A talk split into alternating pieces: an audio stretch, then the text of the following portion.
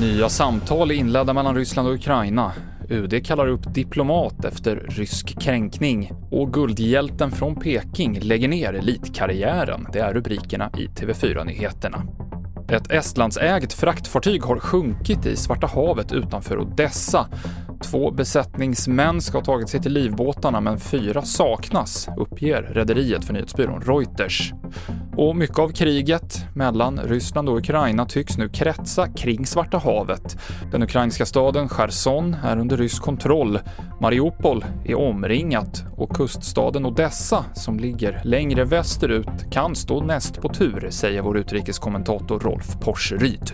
Och det här är väl lite i linje med vad många militära experter talar om, att nu har man tagit delar av kusten, nu går man vidare och Odessa blir då målet, det fina centrum både för ukrainare och för ryssar i många år. Eh, även om det har varit begränsat med rapporter om strider ännu så länge så kan det vara tecken på att det här fortsätter. Och den andra rundan av samtal mellan Ukraina och Ryssland är nu igång, uppger representanter för Ukrainas president.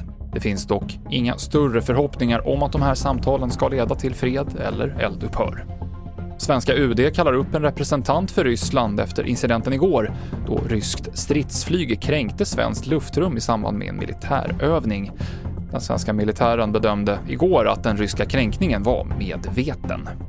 Den dubbla OS-guldmedaljören, skridskoåkaren Nils van der Poel, kommer att lägga ner sin elitsatsning efter den här säsongen.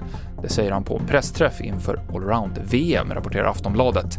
Nils van der Poel, som vann guld på både 5000 och 10 000 meter på OS i Peking, har tidigare flaggat för att den här säsongen kan bli hans sista. Och det kommer finnas betydligt färre elsparkcyklar att hyra på Göteborgs gator. Antalet ska halveras under våren till 4 000. Som mest har det varit över 9 000 elsparkcyklar. Det var i somras. Det här rapporterar Göteborgs-Posten. Senaste nytt finns på tv4.se. I studion idag Mikael Klintevall.